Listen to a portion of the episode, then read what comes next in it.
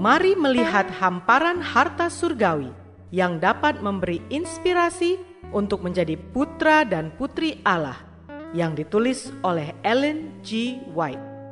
Melalui renungan pagi ini, kita akan mempelajari nasihat yang menguatkan dan memberi semangat untuk memperbaiki karakter kita.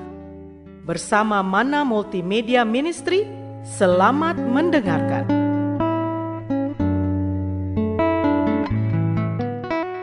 Shalom, selamat pagi saudaraku.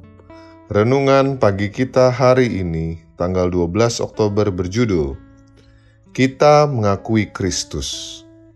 Bersama saya, BJ Aritonang. Ayat intinya diambil dari Matius 10 ayat 32 dan 33. Demikian firman Tuhan. Setiap orang yang mengakui aku di depan manusia, aku juga akan mengakuinya di depan Bapakku yang di sorga. Tetapi barang siapa menyangkal aku di depan manusia, aku juga akan menyangkalnya di depan Bapakku yang di sorga.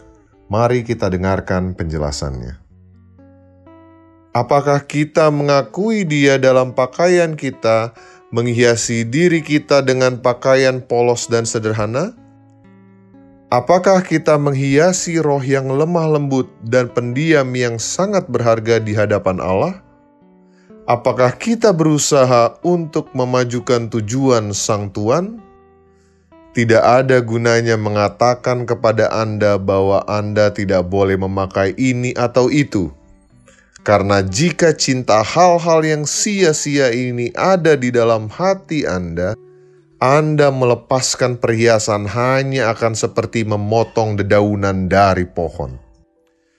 Kecenderungan hati alami akan kembali menunjukkan diri mereka sendiri. Anda harus memiliki hati nurani sendiri. Kita harus tinggal di dalam Dia, seperti cabang tinggal pada pokok anggur. Apa yang kita inginkan adalah meletakkan kapak pada akar pohon kita ingin mati bagi dunia, mati bagi diri kita sendiri, dan hidup bagi Allah. Kita harus dekat dengan Kristus agar manusia dapat mengetahui bahwa kita telah bersama Kristus dan belajar tentang Dia.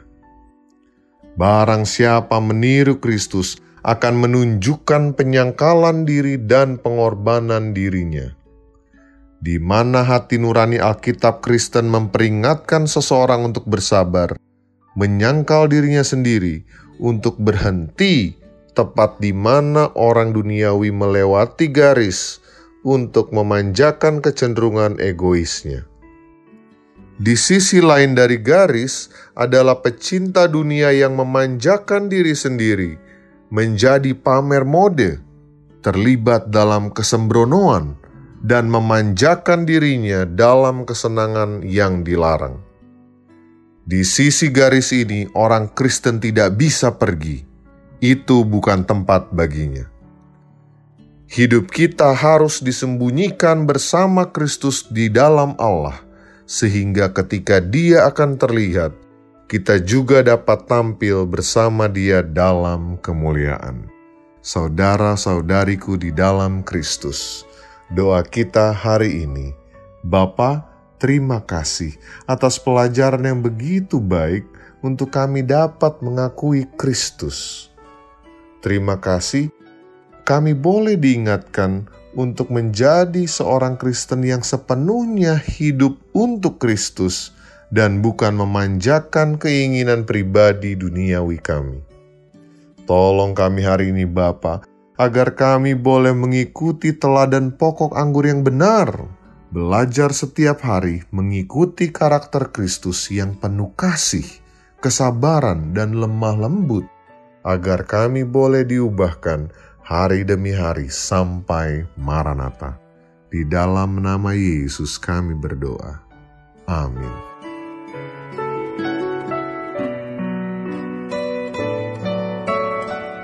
Demikianlah tadi pembahasan tentang menjadi putra dan putri Allah. Semoga firman Tuhan hari ini menjadi berkat bagi Anda. Sampai jumpa, Tuhan memberkati.